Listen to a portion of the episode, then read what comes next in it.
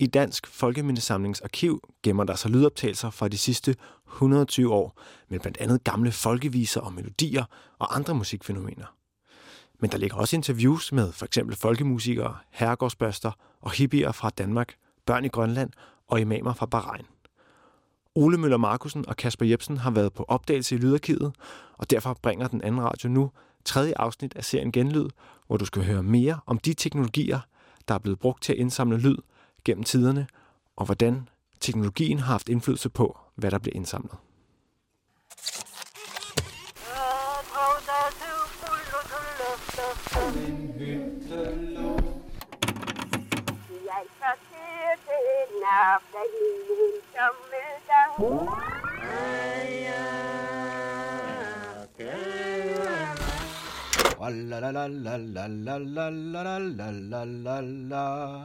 Hej og velkommen til Genlyd. Jeg hedder Kasper. Og jeg hedder Ole. Det her, det er tredje afsnit af Genlyd, og i dag, der griber vi det lidt anderledes an. Vi skal selvfølgelig have fat i en masse lyde fra arkivet, men øh, de kommer ikke noget særligt sted fra den her gang. Det er i stedet en masse forskellige optagelser, som lyder meget forskelligt. Der er noget, der skrætter, og så er der noget, der klinger smukt og lyttevenligt for de fleste. I det her afsnit, der skal vi nemlig snakke om, hvordan man har gemt lyden, og vi skal høre eksempler på lydens teknologier. Og vi skal også høre, hvordan teknologien har haft indflydelse på, hvad der bliver indsamlet. Så derfor har jeg været ude og snakke med en, der har haft fat i stort set al den lyd, der er i arkivet. Så han ved virkelig, hvordan man præsenterer sig for en folkemindesamler. Nu er nu i gang. Og nu er det den 3. september 2019. Og Ole Markusen sidder og skal interviewe Emrik Warburg, og det er mig, der Emrik, der snakker. Okay, så er vi i gang, hva'? Ja, øh, Emmerik Warburg, han er tonemester. Og i en 12-årig periode, der har han været med til at digitalisere alt det lyd, der ligger i folkemindesamlingen. Så han har virkelig hørt meget. Øh, og han har fuldstændig styr på, hvordan man for eksempel præsenterer sig for en folkemindesamler. Og så ved han også rigtig meget om, hvordan man har samlet lyd ind, og hvad for noget lyd, der er samlet ind. Folkemindesamlingen består jo rigtig meget af historier, man samler ind. Meget af sange. Meget af øh, instrumentalmusik. Øh, en hel del af øh, dans. Hvordan danser man? Og sådan noget. Og alting bliver organiseret meget efter sted. Altså hvilken, hvilken lille landsby, i hvilket lille sogn, i hvilken kommune er dette her taget. Det er vigtigt. Egen og tid. Og så selvfølgelig informant. Og informant, det er den, der har fortalt det. 50. Vi er i Økela i Pristina den 12. marts 1960. Ja, Tahir maskinmester og Rasmussen Hashim fra Skjørgen fører og Emil. Bækker fra Rebel. Vi er nede ved den gamle smedemester Glad. Niels Knibad, Bjørn Lyngård. Det er den Henrik 11. 12. Og så er der en indsamler. Og indsamleren, det er den fra Folkemindesamlingen. Eller eventuelt en anden, som har samlet noget ind det fra den egen på det tid. Ikke? Og gået rundt og spurgt, hvad kan du egentlig? Ikke? Og kan du synge? Ja, jeg kan da godt synge, og så kommer den her sang, og så synger hun derude. Og så har han vaks med båndoptageren, eller med valsen, eller med tråden, eller med datbåndoptageren, eller med CD-spilleren, eller er det ikke en CD, men altså de medier, der nu er oppe i tiden, det er blevet så brugt som læringsmedie.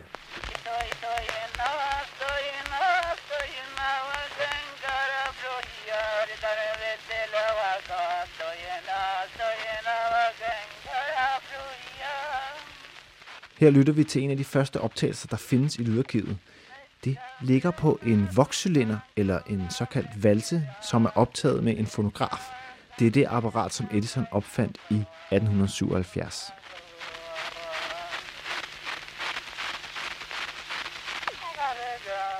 Og det lyder meget gammelt. Men det var altså state of the art i 1902.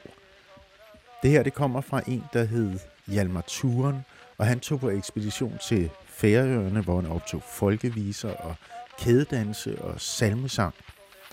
Uh, han var sådan set den første, der indsamlede lyd til dansk folkemindesamling. Og det gjorde han netop på en valse. Og øh, for at høre mere om valserne, så skal vi have fat i en anden indsamler, der også har haft med de her valser at gøre. Og så er der jo Svend Nielsen, som jo stadigvæk er i live, og som jeg synes, du skulle tage ud og besøge. For han sidder ude i Søborg i Gladsaxe. Jamen, jeg hedder Svend Nielsen, Og øh, han er en ældre herre, men ham kan du få meget godt ud af. og jeg er ved at være 80, og har altså ind arbejdet på Dansk Folkemindesamling fra 1963, og så sluttede jeg officielt i 2005. Og han er jo en, som øh, har samlet rigtig meget lyd ind. Ja, det har jeg. Og ikke bare herhjemme i Danmark. I de første fem år, først og fremmest indsamlet på Island, og jeg er indsamlet på Færøerne. Og så har jeg senere, ja, men det var først og fremmest video, der har jeg indsamlet sammen med en rumænsk pige, Anka. Der har vi indsamlet øh, i Serbien og i Bulgarien og Rumænien.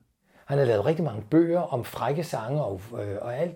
Han, er kæmpe, han har lavet noget, der hedder øh, Kraven, som er et forlag, som udgav Folkemindesamlingens forskellige ting. Og det er stort set ham, som har været bannerfører og, og tovholder. Og sidst har han sådan jo samlet alle de vigtigste øh, valseoptagelser og lavet et kæmpe værk på 400-500 valser, som han har så beskrevet i dybden, hvad det er, og det ene og det andet.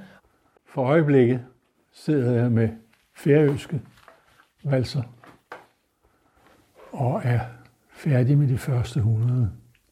Men der er 450 i det hele, så der er et stykke vej igen.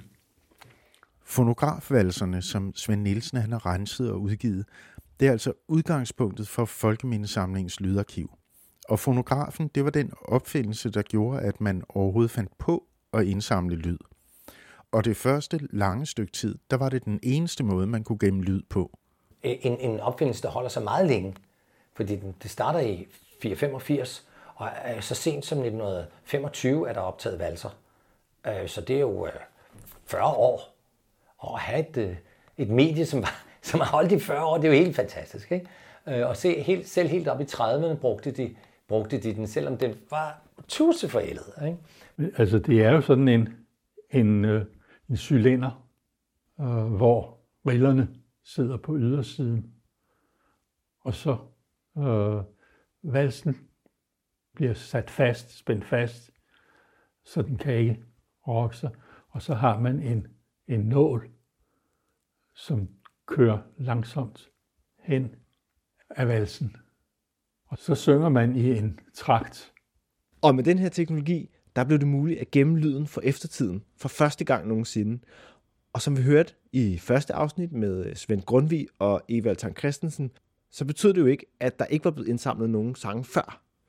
Der var jo en indsamlingsperiode fra begyndelsen af 1800-tallet, men det var jo med pa- papir og blyant, eller papir og pen. Men ideen om at indsamle selve lyden af sangene er oplagt, når nu der er teknologi, der gør det muligt. For som jeg har nævnt flere gange, så er der en masse i musikken, som du ikke kan registrere i noget. Det er sådan noget som tonefald og diktion og fortolkning, fraseringer. Og jeg er altså den opfattelse, at to sanger med hver deres baggrund, de vil sandsynligvis fortolke noget forskelligt, når de synger den. Og selvom Evald Tang Christensen var meget skeptisk over for fonografen, så kunne han altså også se fordelen ved at indsamle lyd. Her skriver han for eksempel om, hvordan han kontakter Folkemindesamlingen i København i sine minder og oplevelser. Jeg havde skrevet til H. Gryner Nielsen i København, om han ikke ville følge med mig omkring i Jylland og optage melodier på valser. For når de der blev indsungne, kunne man da få sikkert bevis for, hvordan de havde lyttet, og det kunne da blive afgjort, om jeg havde skrevet melodierne rigtigt op eller ikke. Så der er i hvert fald et eller andet, som Evald Tang Christensen kan bruge med de her lydoptagelser. Ikke fordi han vil spille dem for andre, men først og fremmest for at sikre præcisionen i hans egne optegnelser. Men der var også nogle ulemper. Okay, vi er i starten af århundredet. Der er ingen strøm eller asfalteret veje, hverken på den jyske hede eller på Færøerne, og mange af de moderne opfindelser, vi kender i dag, de findes slet ikke. Evald Tang Christensen, han mente, at folkene på heden, der før havde siddet og sunget, mens han sad og skrev ned, de ville simpelthen stivne, når der kom sådan nogle folk fra København med et apparat, der var lavet af messing og lakeret træ, og så kunne det optage luftens svingninger og afspille din stemme igen som lyd. Og så var der også bare det problem, at fonografen, den har ikke nogen afspilningshastighed. Den havde den hastighed, man lige satte den til.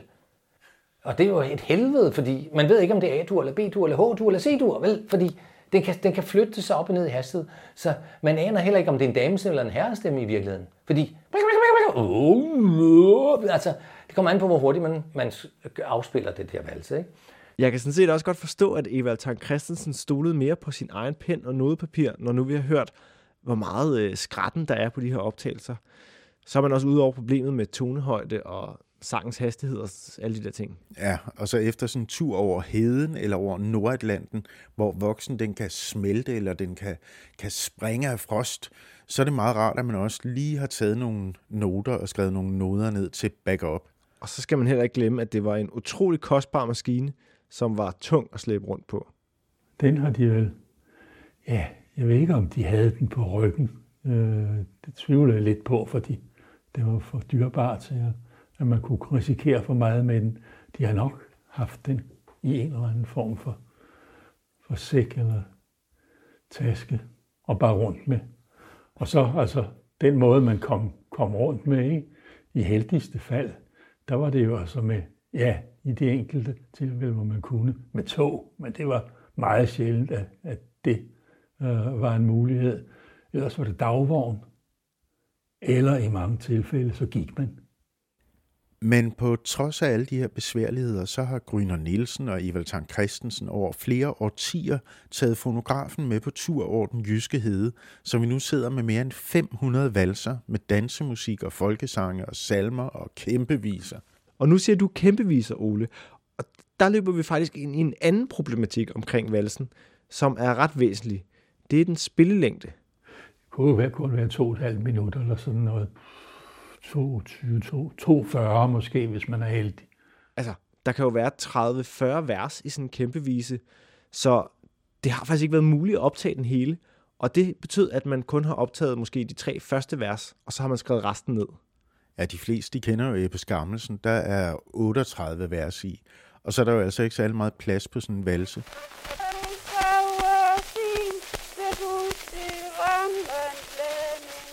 Her kan vi måske lige høre en valse, som jeg har fundet frem med øh, rammer, der trækker sit svær og så videre. Og her kan vi både høre, hvor meget det skrætter og hakker, og hvor små bidder man egentlig kunne få med hjem på sådan en voksvalse.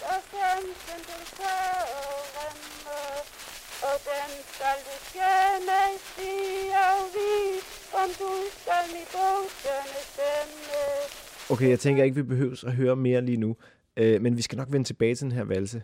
Fonografvalserne, de var altså både dyre og besværlige, og når vi hører valserne, så er det sådan en slags magiterning med de vigtigste stykker af virkeligheden, som man gerne vil have med hjem fra heden. Så man skar fuldstændig ind til benet, og så indsamlede man kun lige essensen af de her kulturelle skatte. Og fra 1925 sker der jo et kæmpe brud i al lyd og al indsamling, fordi pludselig har man en forstærker, og, øh, og så opfinder man jo også øh, 78'eren med der bliver indspillet med forstærker på. Ikke? Så, øh, så alting ændrer karakter fra den dato. Ja, nu er der jo ikke nogen 78'er optagelser på folkemindsamlingen, men det her med den elektriske forstærkning af lyd, det sætter altså gang i en udvikling. Øh, så kommer øh, jo spolebåndet så langsomt op igen. Først kommer der allerede omkring 1901, så opfinder en, dansk, en dansker sådan et øh, lyden på magnetbånd. Og det er først på en ganske tynd tråd. Han hedder, han hedder Valdemar Poulsen, og han oplever så trådoptageren. Og den trådoptager, den bliver jo perfektioneret op igennem 30'erne, og de sidste trådoptager bliver lavet i 50'erne af BO, og er en kæmpe succes, fordi man pludselig kan have en hel times højkvalitets musik på en lille tråd, der ikke fylder mere som det er. Altså 8 cm i diameter og 2, 2 cm i højden. Der kan ligge en hel time på. Og det, i modsætning til sådan en stor valse, som måske er 15 20 cm lang, og så er den måske 6 cm i diameter, og, og der kan ligge 3 minutter. Og den fylder ikke, og klumpet og går i stykker. Så har du det her lille bånd der, eller den der lille tråd, som kan det der. Helt fantastisk. Og, øhm, og så er tyskerne meget dygtige øh, teknikere, og de opfinder jo så en, øh, et, et papirbånd i stedet for sådan en tråd, fordi tråden kan du ikke klippe i. Og efter 2. verdenskrig blev det jo det helt store medie. Øh, båndet. Spolebåndet. 9. marts. En tindrende klar stjernehimmel. Alle kamelerne er foran teltene. Flaggende skær står op fra dem. I morgen begynder ramadanen. Nu er vi blevet transportable med spolebåndoptageren, og vi kan tage lyden af hele ørkenen med os hjem. Her er det Claus Ferdinand, der er i Katar i 1959 og samle ind. Det er en helt anden essens, man er ude efter. Nu behøver man ikke nøjes med en magiterning. Og Claus Ferdinand nøjes ikke med at indfange sangen, men også stemningen af de arabiske nætter og familien i teltet og børnene, der fniser.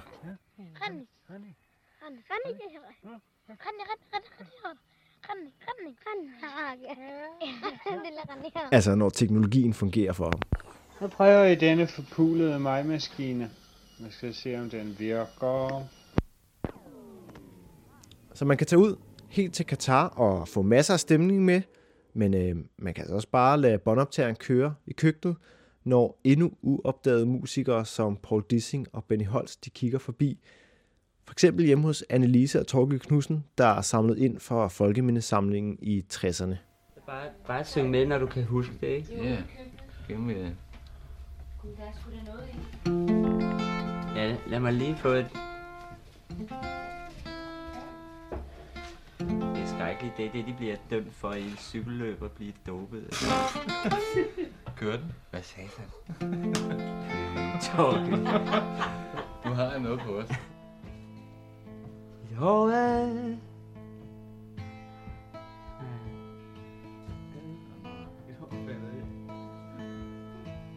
Jo. Come on.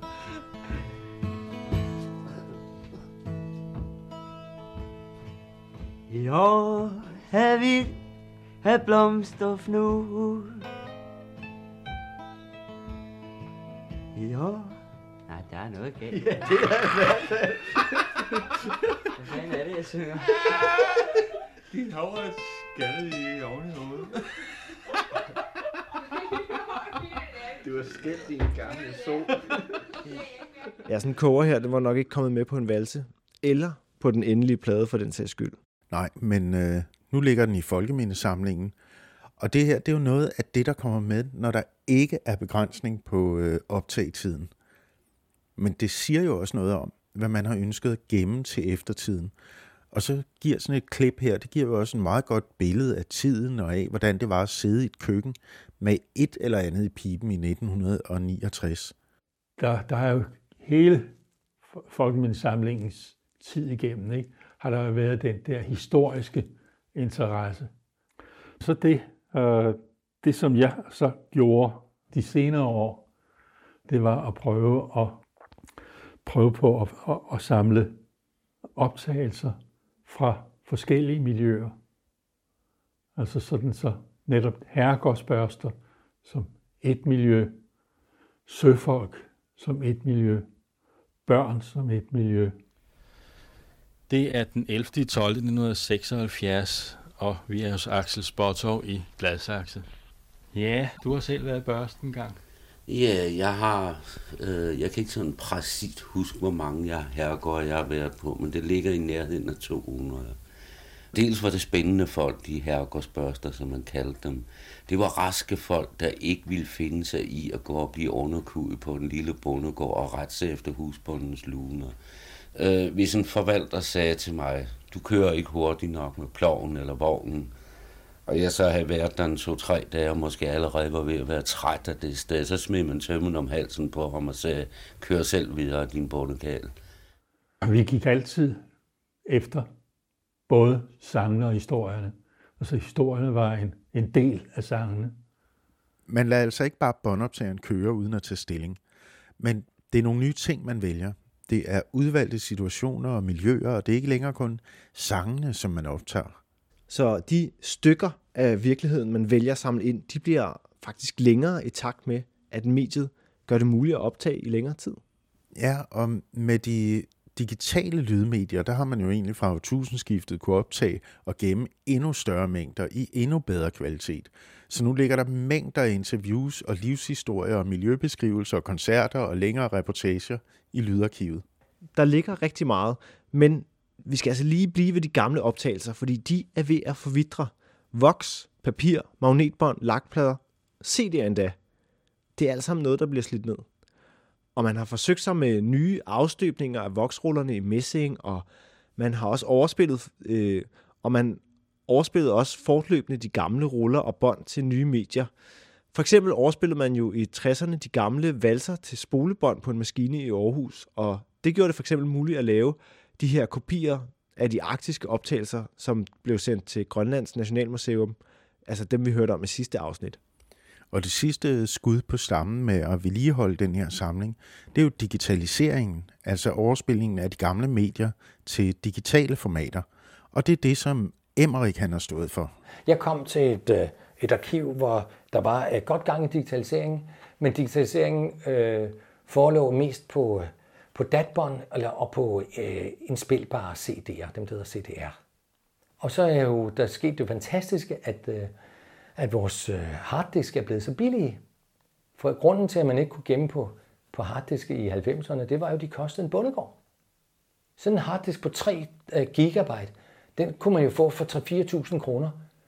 Og det svarer jo til 10.000 i dag måske. Og 3 gigabyte, der kan du kun få lægge to CD'er på. Eller, altså det gør ikke engang, det er svært at få en, en hel DVD til at lægge. Den, den fylder 4,3 gigabyte. Ikke? Så det, det er virkelig, virkelig, virkelig dyrt medium. Og det var først omkring øh, ja, 2001 eller andet, at det blev så billigt. Og der er det jo så billigt, så du kan gemme al verdens lyd flere gange. Så nu kan man gemme hele verden i højeste kvalitet. Men hvis vi nu kan lægge hele verden ned i samlingen, så kan man lige så godt øh, bare gå ud i verden. Ja, det er lidt en udfordring. Så må man til at vælge, hvad der er vigtigt at gemme. Og det kan blive ganske kompliceret. Men altså det med, hvad der er vigtigt at gemme nu, det kommer vi til at snakke om i aller sidste afsnit af den her serie. Så nu skal vi måske snakke om, hvordan man gør tingene tilgængelige. Ja, nu ligger alting tilgængeligt i Cumulus. Det er den store database på det kongelige bibliotek. Så der kan I jo selv gå på opdagelse. Så hele lydarkivet det er faktisk digitaliseret og tilgængeligt nu. Men øh, det er måske ikke altid lige godt, for øh, det lyder stadigvæk sådan her, når vi henter det i Cumulus.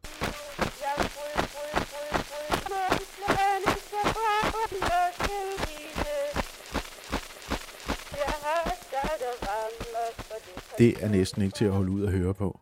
Har vi holdt ud til at høre på det i en 20-30 år, eller 50 år for mit vedkommende, før vi fik det lavet bedre. Så det her det er et nyt problem. Digitaliseringens høje kvalitet gør, at man kan høre, hvor dårlig den gamle lyd er. Det er altså ikke nok, at valserne nu er tilgængelige. De skal også være til at holde ud at høre på. Så den teknologiske udvikling giver også Svend noget yderligere arbejde, som han kan have med de gamle valser.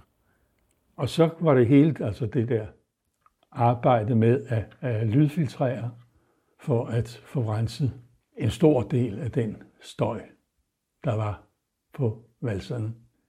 Det var jo en større proces, som i første omgang drejede sig om at finde ud af, hvordan fik vi bedst muligt overført øh, valserlyden til digital lyd. Det korte og det lange er, altså, at det endte med, at vi faktisk fandt ud af, at de gamle optagelser, vi havde fra 61, var i hvert fald lige så gode som de nyeste, vi kunne få. Hvad enten det så skyldtes, at man bare havde været heldig dengang, eller at eventuelt valserne var blevet så meget mere øh, beskadiget eller nedbrudte i løbet af de 50 år, der var gået. Så det endte med, altså, at vi simpelthen brugte overspilningerne fra 61. De lå så på, på spolebånd. Og med lidt lydsnikkering, der kan den kæmpevis, vi hørte tidligere, der lød sådan her. Den lyder nu sådan her.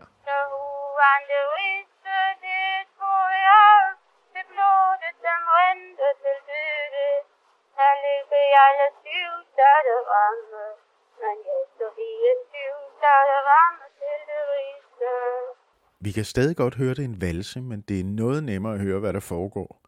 Og så er vi jo også kommet lidt full circle. Så nu har visen om rammer taget turen fra den jyske hede via en vokscylinder til magnetbånd til digital optagelse og så en digital oprensning af lyden, så vi nu kan høre sangen om rammer på både CD og via diverse streamingtjenester. Det her det er nemlig en helt almindelig musikudgivelse, og den hedder Viser på Valse, som du altså kan finde på biblioteket og Spotify, og hvor man nu ellers finder sin musik. Og som du har hørt i dagens program, så har de her teknologier, man har brugt, haft stor betydning for, hvad der er blevet indsamlet. Lige fra valsernes magiterninger af kæmpeviserne, spolebåndets stemningsbilleder fra Katars ørken eller til 60'ernes miljøskildringer. Så er de alle formet af de medier, de er indsamlet på. Og det var faktisk alt, hvad vi havde i genlyd i denne her omgang. Tak til Emmerik Warburg og Svend Nielsen for at være med. I næste afsnit af Genlyd, der fortæller vi om skiftet fra folkemusik til folkmusik, og hvordan folkemindesamlerne bevægede sig fra landet ind til byen i 60'erne og 70'erne. Vi høres ved i næste afsnit af Genlyd.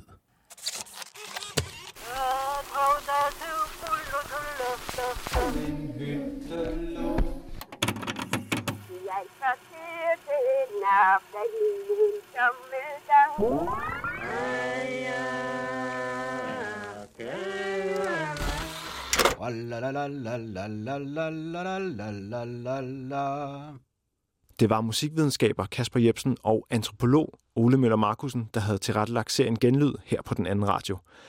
En stor tak til Statens Kunstfond, Åge og Johanne Louis Hansens Fond, Sonningfonden og Lizzie og Mogens Stålfonden, som har støttet serien. Og husk, at du altid selv kan gå på skattejagt i Dansk Folkemindesamlings Lydarkiv på det Kongelige Bibliotek.